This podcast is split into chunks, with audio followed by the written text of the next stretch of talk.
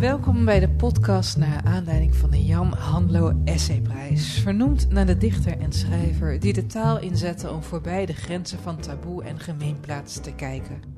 De man die via zijn teksten vermaakte, verraste en verontrustte, bij wie grap en urgentie elkaar nooit uitsloten, maar juist aanvulden en daardoor een van de markantste Nederlandse auteurs van de 20e eeuw mag worden genoemd. In deze podcastreeks worden de vijf genomineerden van de Jan Hanlo Essayprijs 2021 aan u voorgesteld en zal middels een gesprek hun werk en denken onder de loep worden genomen. Mijn naam is Ellen Dekwits en vandaag zit ik tegenover Marian Donner. Zij is genomineerd met het Zelfverwoestingsboek. Een werk dat niet zozeer een pleidooi is voor minder sporten en meer roken, het wordt wel aanbevolen, maar een aanmaning is om stil te staan bij de ravages die het nastreven van het perfecte leven kan aanrichten. Een tirade tegen de neoliberale samenleving, waarin de burn-out inmiddels een levensfase is, je in constante competitie met de rest van de mensheid moet verkeren en waar je met twee voltijdbanen anno 2019 amper nog een huis kan kopen. Marian, vrolijke nachtegaal, welkom en gefeliciteerd met je nominatie. Dankjewel, en dat is fantastisch samengevat. Ja, Die ga ik eh, even onthouden, voor als ik zelf nog eens een elevator pitch moet doen. Ik zal hem, ik zal hem naar je doorsturen. Graag. Eh, het, de verleiding was wel groot, want je zelfverwoestingsboek boek is ook een pleidooi voor het falen. Om als een eh, stotterende hork deze intro te doen. Maar dat mocht niet van onze regisseur Giselle. Dus het spijt me dat het zo perfect moest. hey, alle gekheid eh, op een stokje. Je hebt een heftig grappig boek geschreven. Eigenlijk de antithese van eh, het zelfhulpboek. De grap is ook dat je in alle adviezen die je geeft om je minder aan te trekken van perfectie en peer group pressure, juist ook een soort van zelfhulpadvies aan te geven bent. Maar daar stappen we even overheen. Hey, Ja, nou ja, en, want het is dus, wat, wat ik eigenlijk meteen al zeg, het zijn adviezen niet voor jezelf, maar om een systeem te ondermijnen. Dus het is toch niet helemaal, het is, het is in dezelfde vorm als een zelfhulp, maar het eindresultaat zeg ik, oké, er- hier ga je natuurlijk niet per se gelukkiger van worden. Of, eh, en laat staan een beter mens. Maar je zult wel een heel klein beetje verzet hebben geleverd tegen een verwoestend systeem. En dat is ook veel waard. Ja, nou ja, de destructie van het systeem, dat is het, eh, het speelpunt, het tornado-oog, om het zo te zeggen. Mooi, ja. van deze bundeling essays. Ehm, het voelde ook als een pleidooi tegen het idee dat we tegenwoordig hebben dat alles maakbaar is, dat we leven in een bestaan dat te regelen, te beheersen is. Hè? En je schreef dit boek in 2019. Inmiddels zijn we een paar onverwachte gebeurtenissen verder. Zo, ja. En wat mij opviel tijdens de coronacrisis was dat er een wildbloei kwam, een, eh, eigenlijk nog een grotere toename in de verkoop van zelfhulpboeken. Ik zag iedereen in mijn omgeving, ook de mensen die voorheen niet van hun bank af te branden waren, aan het spoor te slaan. En vanuit de krant en nieuwsberichten had je opeens allemaal alarmerende feiten over kinderen die een eetstoornis ontwikkelden omdat ze zo ontzettend krampachtig in hun huizen opgesloten zaten vanwege de lockdown. En toen dacht ik, toen ik je boek weer herlas, van misschien is het systeem, het idee van zelf maken, zelf beheersen, zelf verantwoordelijk, zelf grip hebben op je leven, misschien zit het al te dicht, te zeer in ons geworteld om er nog verzet tegen te kunnen plegen. Ik bedoel, hoe, hoe, hoe jouw denken daarover na corona? Ja, ja, ja, nou ja, ja, ja. Ehm, nee, bij corona inderdaad. Ja, dat, eh, nou, ten eerste vond ik dat je daar dus zag wat er eigenlijk eh, was, was een uitvergroting van allemaal problemen die daarvoor ook al speelden. Dus een, een, de huidhonger, de eenzaamheid eh, die mensen ervoeren, was eigenlijk daarvoor ook al problematisch. Ehm, en dan is het zo grappig dat, die, dat je in die eerste lockdown, dat mensen dat nog ervaarden als een soort bevrijding. Van, oh, ik hoef even niks en niemand anders doet ook meer wat. Wat fijn, dat competitieve of de fear of missing out of zo, dat valt opeens weg. Maar dan, dat, en toen was het ook nog een uitdaging. Dat is ook zo'n begrip wat heel erg bij deze tijd past. Dat natuurlijk crisis is het Chinese karakter voor kans ook. Dus, eh, en alles moet een uitdaging zijn. En die pak je op en je gaat er lekker tegenaan. Ehm, bij de tweede, als iets een gewoonte wordt, dan, dan, dan wordt dat uh, veel zwaarder opeens ervaren. Maar je hebt helemaal gelijk. Er is natuurlijk met, met corona ook zo'n hele stroming van een beetje de, de, de New Agers, um, spirituele mensen, die heel, de Duitse cruise en zo. De conspiritualities, ja, ja. Ja, nou ja, dan nog zonder de, die overlap naar, um, naar um, complottheorieën te maken, maar die heel erg op gezond eten zitten. Mm -hmm. Van alsof je daarmee dat virus kan ontwijken. En dat vind ik zo laat ik het interessant noemen, hm. omdat er nog zoveel is wat we er niet over weten. Toch zijn er dan allemaal mensen die dan denken te weten uh, dat zij wel de oplossing hebben. En dan ook een beetje onder het mom van nou, het kan geen kwaad om heel gezond te leven. Maar je ziet inderdaad wel daar die, die, dat, ja, dat, dat maakbaarheidsidee van ik kan dat uh, virus verslaan.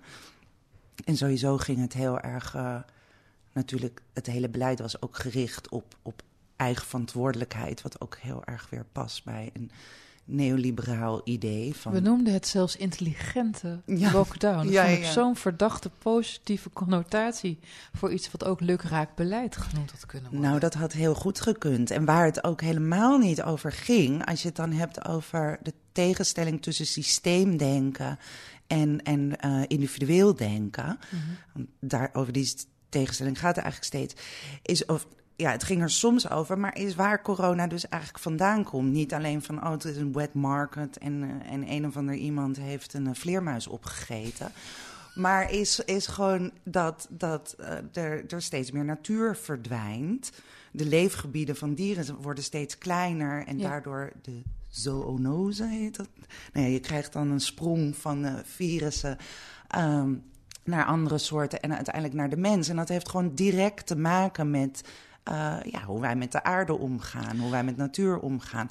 Maar daar als oplossing voor niet nu corona, maar van al de pandemieën die nog gaan komen en die al de hele tijd voorspeld worden, net zoals corona ook al soort van voorspeld was.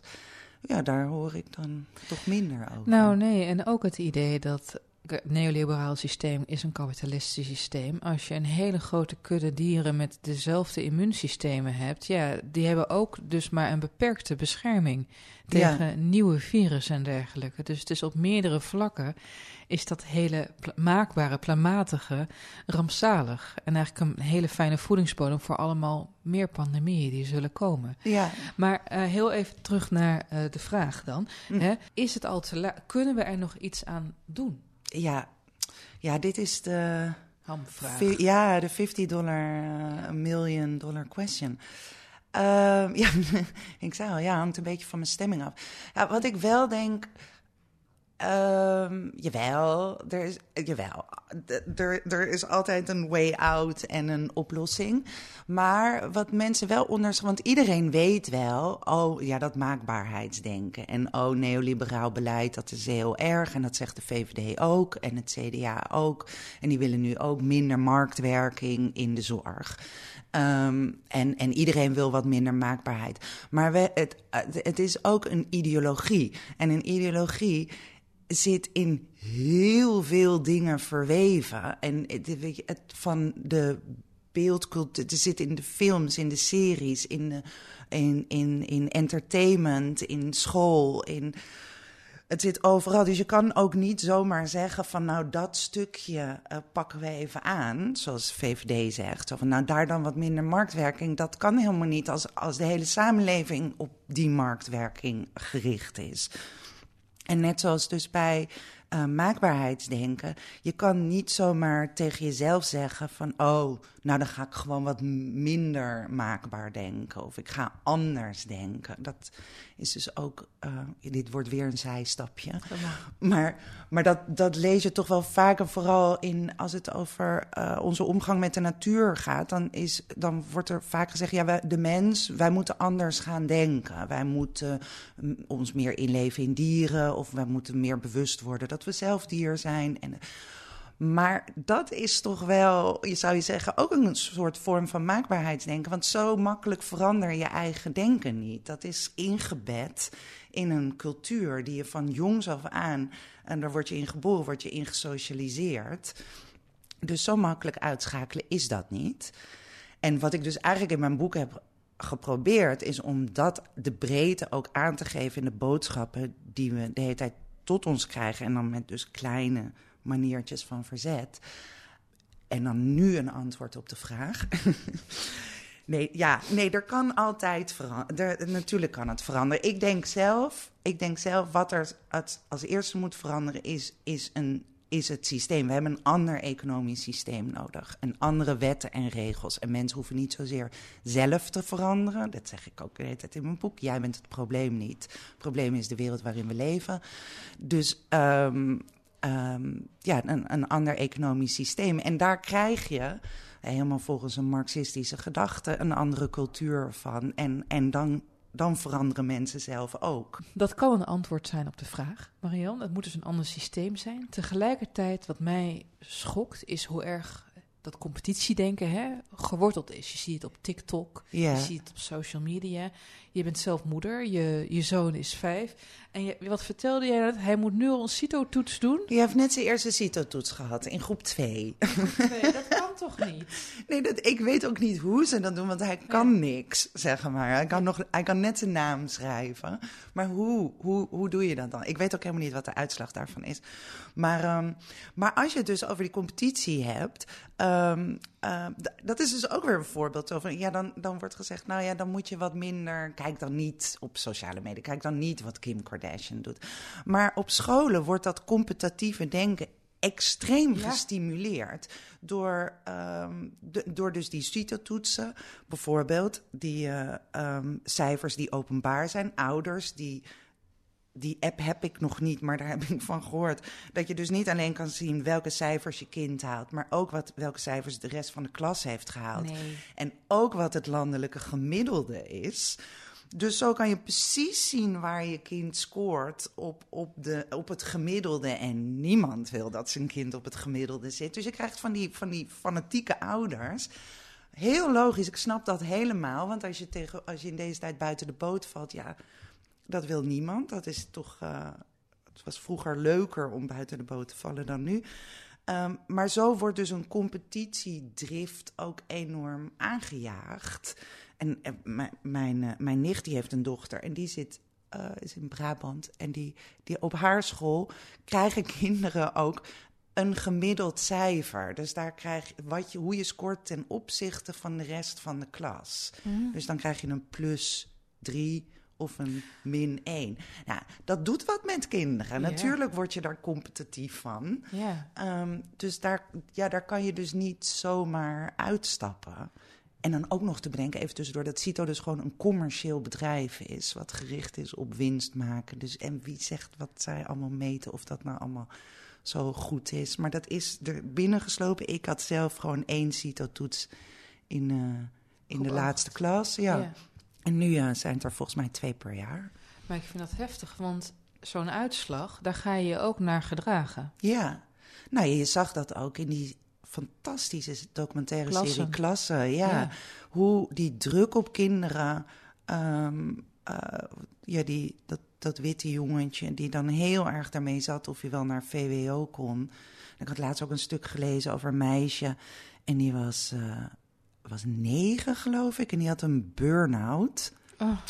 Omdat uh, misschien over interpretatie, maar zij, zij vertelde dat ze zo graag naar het VWO wilde. Dat ze dus alleen nog maar vroeger ging opstaan, harder haar best doen. En toen alleen nog maar kon huilen op een gegeven moment. En dat zij dus zelf ook in dat interview, ze was nu wat ouder, zei: Ja, vroeger konden kinderen gewoon heel veel buiten spelen. Maar nu moet je, moet je al werken aan je toekomst. En het is ook zo, weet je, een goede crash leidt tot een goede lagere school, leidt tot een goede middelbare school leidt tot een goede universiteit, leidt tot een goede baan, leidt tot een betere baan, nog betere baan. En dan ga je dood of ja, ben je misschien uiteindelijk gelukkig. Ja, nou ja, het, het, het, het, ultieme geluk beschrijf je in je boek volgens het neoliberale systeem is natuurlijk vrijheid. Dat je niet meer met die red race hoeft mee te doen, omdat je genoeg kapitaal hebt verzameld.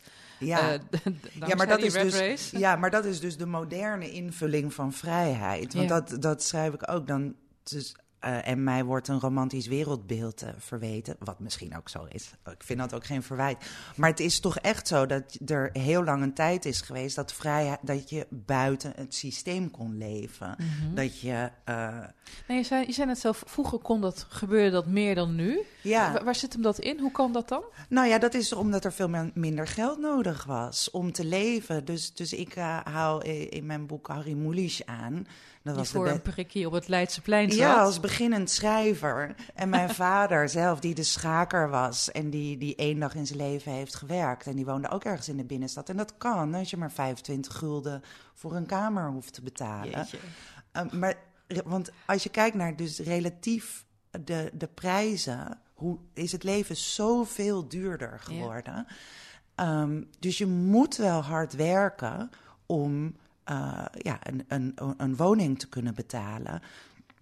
En zo krijg je dus, dus waar je vroeger dus um, ja, de, de bohemien, de lantefranter, degene die, die, die kunstenaars die de hele avond in de kroeg zaten en helemaal niks deden, dat kon. Um, en dat noemden we dan vrijheid, niet meedoen aan het systeem. Nu is er eigenlijk alleen dus maar vrijheid binnen het systeem. Inderdaad, als je zoveel geld hebt verdiend, uh, dat je dat goede onderwijs kan kopen, die baan niet nodig hebt en je ouders of je een trustfond uh, een mooi huis voor je koopt. En dan heb je die vrijheid binnen het systeem. Maar dat is toch wel zuur. Ik heb ook het idee dat, je had vroeger had je de uitdrukking, als je voor een dubbeltje geboren bent, word je nou een kwartje. Nou ja, met de sociaaldemocratie in Nederland die halfweg 20e eeuw opkwam, leeft het een tijd opgeleken dat dat niet opging. Maar ook als ik kijk naar mijn collega-schrijvers, uh, met alle liefde voor hen jongens die toevallig nu meeluisteren, het gros is oud geld. Ja. Of heeft ouders die garant konden staan voor huizen. En dat ja. betekent dus ook dat in het debat, niet alleen het literaire debat, maar je ziet het ook binnen de politiek, dat maar mensen van een bepaalde standplaatsgebondenheid een, een stem krijgen, omdat ze zich die stem kunnen permitteren. Ja, nee, dat is precies wat er gebeurt inderdaad. Ik heb daar, dat, volgens mij zit dat niet in mijn boek, maar ik heb daar wel ooit een stuk over geschreven, want dat geldt dus voor de hele kunsten. Mhm. Het is gewoon heel duur om kunstenaar te zijn. Ja. Uh, van schilder tot acteur. Het zit ook heel erg in de filmwereld. Um, en en je, je, ja, je ziet daar dus overal uh, in muziek ook heel erg. Er was een keer een stuk in The Guardian en daar werden bands, dus allemaal bands van, van nou, dat was als een wat ouder, maar Radiohead, Florence and the Machine. Die hele vervelende... Coldplay. Ja. ja. leuk dat je meteen het weet. Ja, Sorry, excuses aan de Coldplay-fans onder de luisteraars. Allemaal hebben die op privéscholen gezeten. Ach ja. In de acteurswereld zie je heel veel, zie je heel veel kinderen van die, uh, die dan doorstromen. En in, inderdaad, bij schrijven ook. Um, of het zijn keiharde werkers. Mhm. en, want ja, kunst verdient natuurlijk ook helemaal niet. Of je moet zo hard werken dat je en nog die duizend euro per maand uh, huur kan opbrengen. En daarnaast nog tijd over hebt om te schrijven. Dat is uh, niet makkelijk. Um, ja, of, maar anders dan, uh, dan haal je het niet. En, en wat je dan dus krijgt is inderdaad dat bepaalde stemmen... Um, die dus uit, uit de lagere klasse vooral... En die dus anders naar de samenleving kijken dan, dan mensen uit de hogere klasse, die het wat beter hebben en die zitten met vooral hun problemen. Ja, het zijn meer ook met zichzelf en hoe, hoe ze in de wereld staan. En, maar de, de, uh, ja, de hele maatschappijkritische stem, de Sex Pistols of uh, Down with the System, dat komt niet meer bovendrijven. En een andere cultuur en kunst, ja, dat levert weer een andere blik op de werkelijkheid op. En zo krijg je een. Ja, een zelfbevestigend cirkeltje. Ja, ja. Je ziet het ook in België uit uh, Braschaat. Dat is dan een beetje de Wassenaar, uh, de, de Wassenaar stedenconglomeraat boven Antwerpen. Daar komen alle grote kunstenaars, van uh, de mensen van Triggerfinger tot de schrijvers, allemaal vandaan. En dat Ja. is toch een heel bevoorrechte uh, wereld. Ja. Uh, Terwijl ze allemaal heel goed kunnen zijn. Dus daar Ja, gaat het ja. ook verder niet om. maar, het komt uit een eenzelfde ervaringsspectrum. Ja, bedoel ja je dus, een geprivilegeerde. eh, ja, en dat hele debat, dat, ga, dat is nu wel opengebroken van waar, zijn de, waar is de stem van de vrouw? Er moeten meer vrouwen, er moeten meer mensen van kleur moeten een stem krijgen. En dat is dus helemaal waar. Maar het gaat zelden erover, ja, de mensen die uh, minder geprivilegeerd uit lage sociaal-economische klasse, die moeten ook een stem krijgen. Precies, en dat is iets anders. Ja, dat, is iets anders dan geslacht of kleur. Zeker. Ja. En natuurlijk met kleur overlapt het wel, maar. Mhm. Ja, kom maar, als jij uit een lagere klasse bent en je, hebt, uh, en je heet Mohammed, uh, nou, die weg is echt heel lang om dan uh, de, de, een kunstenaarsleven te leiden. Ja, en, en wat, wat, ik, wat, ik, wat ik ook zie, ik heb een aantal mensen in mijn omgeving die van zo'n achtergrond komen, die, uh, die, die of van kleur zijn, die de echt uh, armoede hebben gekend, die zeggen ook van het is een heel eenzaam iets. Want als ik lotgenoten zie die zich ook hebben ontworsteld aan die herkomst, er is altijd een onderlinge competitie weer bij hen. Ja. Uh, ik moest daarbij ook denken de afgelopen jaren alle ruzies binnen de partijtop van Denk.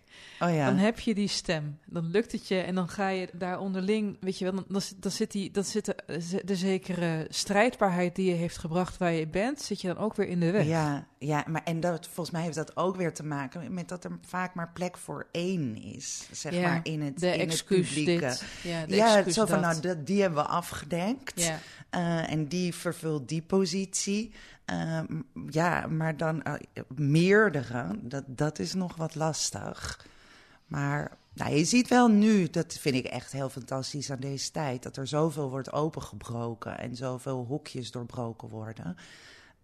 Maar wat meer bewustzijn over deze klasse eigenlijk zou, zou goed zijn. Hey, even los van alle ellende van het neoliberalisme, het heeft ook te maken met een bepaald soort mentaliteit. En een mentaliteit onder mensen dat ze blijven leven in een systeem dat hen kapot maakt. En een van de instrumenten om dat leven vol te houden is iets, ja, ik noem het dan maar toxic positivity. Dat je de boel hele tijd maar positief heretiketteerd, waardoor je monten door de dagen kan gaan, waaronder natuurlijk van alles ettert.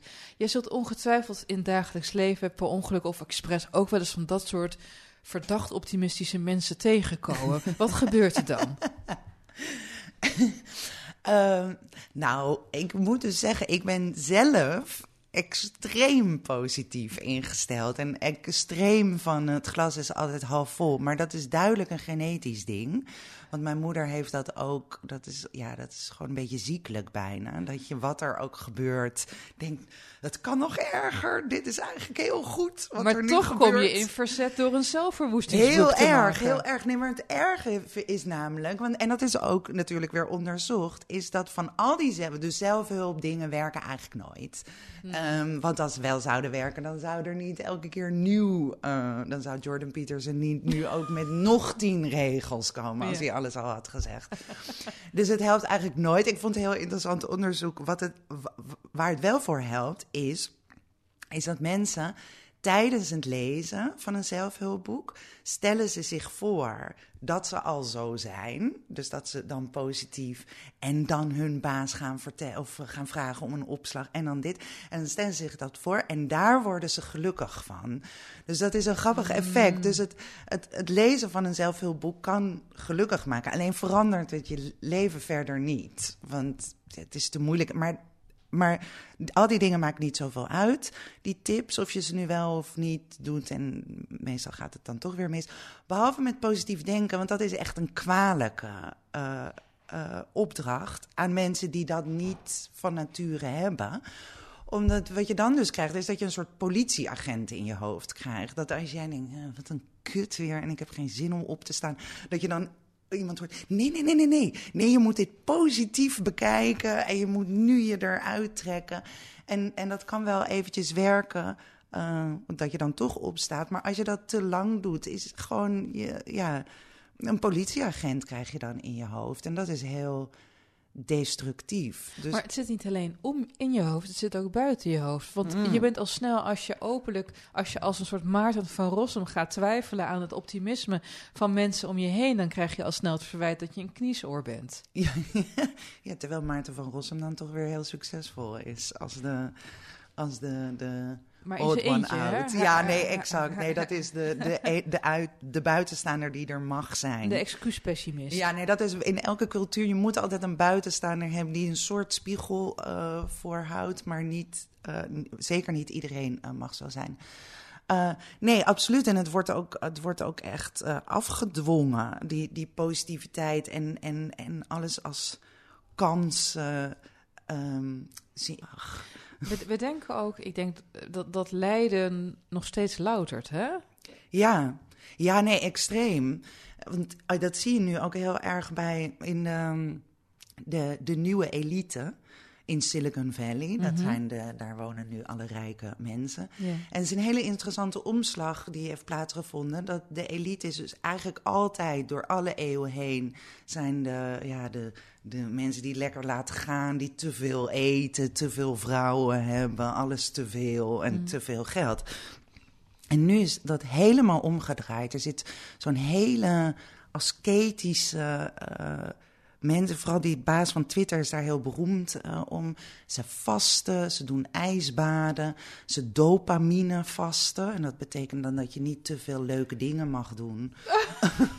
Want dan krijg je mijn, hele leven is dat dan. Wat heerlijk. Dus ik- waarom voel Nou, dan dan, ben niet je goed? goed, goed Ja, bezig. Ja, ja. En ze dus heel erg afzien ehm, wat zij doen als een soort. Ik heb daarover na zitten denken, wat is dat nou? Dat je, want dan ben je dus zo rijk. En, en, en ze lopen daar ook heel erg mee te koop, met dat afzien. Dus dat lijden, van eh, pijn is fijn, Ja. bloed is goed.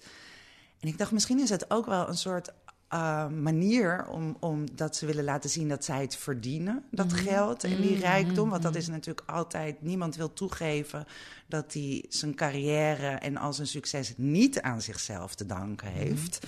Uh, het is altijd omdat jij zo hard hebt gewerkt en jij verder durft te gaan dan iedereen, um, dat je hebt wat je hebt.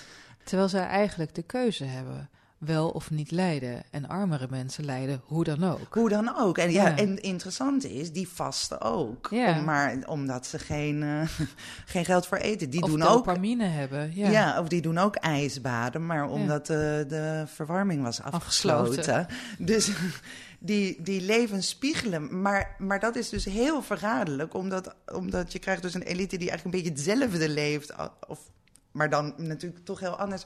Maar op front raakt aan een heel arm leven. En dan kan je dus ook tegen die arme persoon zeggen. Nou, weet je, zeur niet zo, maak er dan wat van. Mhm. Want ik, ik leid ook. En zie dat dan als een ijsdouche of zo. En maak jezelf harder.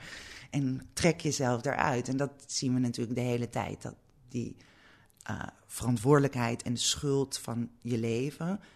of het nou heel goed is of heel slecht, die ligt, wordt steeds weer bij het individu gelegd. De grap is ook, jij haalt in het zelfverwoestingsboek haal je zangeres Anouk aan... die tijdens uh, college tour door Twan Huis wordt gevraagd van... ja, wat is nou het geheim van je succes? En dan zegt zij, geluk.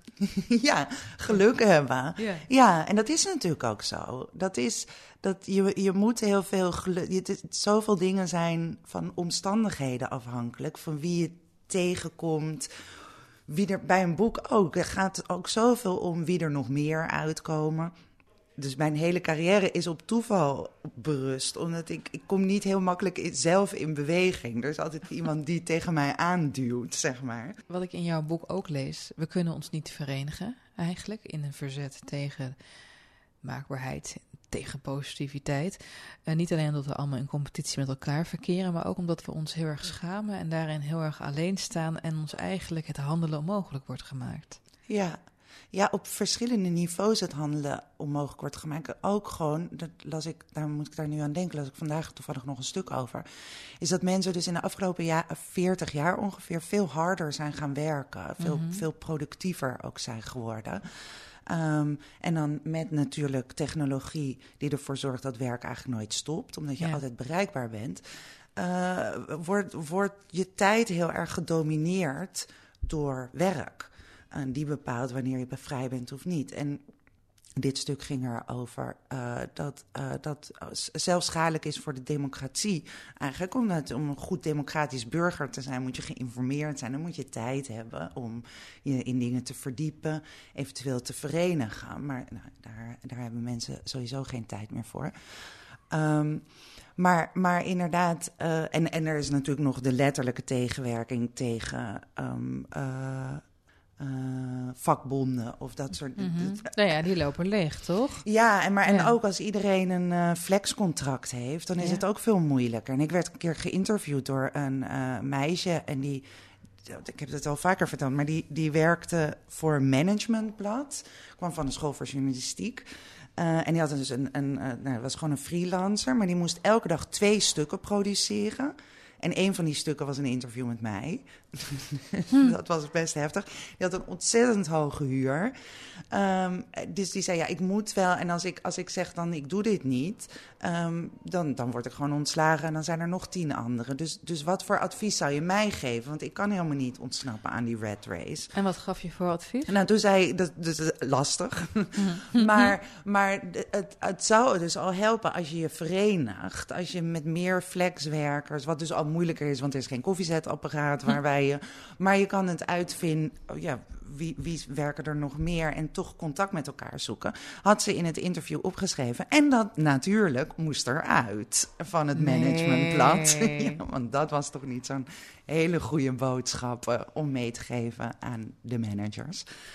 Um, dus om maar te zeggen, er zijn vele manieren waarop we inderdaad een, een soort. Um, eilandje worden gemaakt. Nog afgezien dus ook nog eens. Het is allemaal een optelsom van alle bezuinigingen op, op de publieke uh, ruimtes, op bibliotheken, op jongeren, honks. Uh, Buurthuizen. Ja, buurthuizen. Dus inderdaad word je, word je daarin uh, teruggeworpen op jezelf. Dat is denk ik ook dit is wat zelfhulp uiteindelijk doet. En wat in deze hele cultuur ge gebeurt, is dat de energie naar binnen wordt gericht. Omdat het probleem bij jou ligt. Jij moet veranderen. Jij moet anders gaan denken of uh, anders visualiseren. Of, dus je bent heel erg op jezelf gericht. Terwijl die energie, uh, die moet eigenlijk naar buiten om te handelen, om iets te veranderen in die wereld. Dus dat, dat, dat is wat er gebeurt. En ik heb zelf uiteindelijk bedacht, want dat was niet al van tevoren dat ik dacht, oh, ik ga zo'n soort boeken schrijven. Maar de vraag die natuurlijk ook heel erg vaak komt is van, ja, wat hebben mensen hier nou aan? En uh, ja, gaat dat nou echt helpen? En heel veel mensen kunnen dat natuurlijk helemaal niet. Dat meisje wat ik net noemde. Of als je een alleenstaande moeder bent met twee banen, dan heb je wel wat beters te doen. Maar ik dacht wel, um, waar we het eerder ook over hadden, dat het licht religieuze is natuurlijk de, de emoties waarop dit, ja, deze tijd rust voor een groot deel, is zijn schuld en schaamte eigenlijk. Ja. Mensen schamen zich heel erg als ze niet succesvol zijn. Um, schuldgevoelens over als ze toch die taart hebben opgegeten, hm. toch die to-do-lijst weer niet afgewerkt hebben, want dat is zelfsabotage. En die twee emoties zijn zo funest, omdat wederom dus die energie weer naar binnen gaat. En, en ja, gewoon extreem ondermijnend en leidend tot zelfhaat en um, zelf, ja, ondermijning. En dat ik dacht, ja, als ik gewoon maar een beetje kan bijdragen om iets van die schuld en schaamte die mensen mogelijk kunnen voelen uh, te verlichten, uh, dan ben ik al hartstikke blij. Want uiteindelijk is mijn boek... Oh, dat is ook een vraag die vaak van... voor wie is dat boek nou eigenlijk? En toen dacht ik, ja, dat is toch voor de mensen die het dus niet, niet redden. Die dan niet zo succesvol zijn. De losers, zoals de ze worden losers. genoemd in het boek. Ja? ja? Ja, dus de mensen die niet mee kunnen komen in deze samenleving... op wat voor manier dan ook... Ook al, um, zijn ze, hebben ze wel een goede baan en hebben ze wel uh, dat, leuke gezin, dat ze toch het gevoel hebben van nee, ik, ik match niet met, met deze wereld om me heen. Um, dat ik dacht, ja, voor die mensen en om dan te zeggen van het ligt, niet, het ligt echt niet aan jou. Het, het, kijk maar op alle manieren die ik heb geprobeerd te noteren. Zodat ze hun energie aan iets anders kunnen besteden dan zich zorgen maken over zichzelf en de schaamtegevoelens die komen bij niet kunnen functioneren in wat toch eigenlijk een moorddadig systeem is. Juist. Ja. Fantastisch. Marianne Donner, dankjewel voor dit gesprek. Heel graag gedaan. Nou, en ben je nieuwsgierig geworden naar alle gesprekken met de genomineerden voor de Jan Hanlo Essayprijs? Ga dan naar groene.nl slash Jan Hanlo podcast. Deze podcast werd mede mogelijk gemaakt door Stichting Lira, de Groene Amsterdammer en de Stichting Literaire Activiteiten Amsterdam. De regie en montage waren in de handen van Giselle Mijnlief en mijn naam is Ellen Dekwits. Dank voor het luisteren en schakel op 20 mei in voor de prijsuitreiking.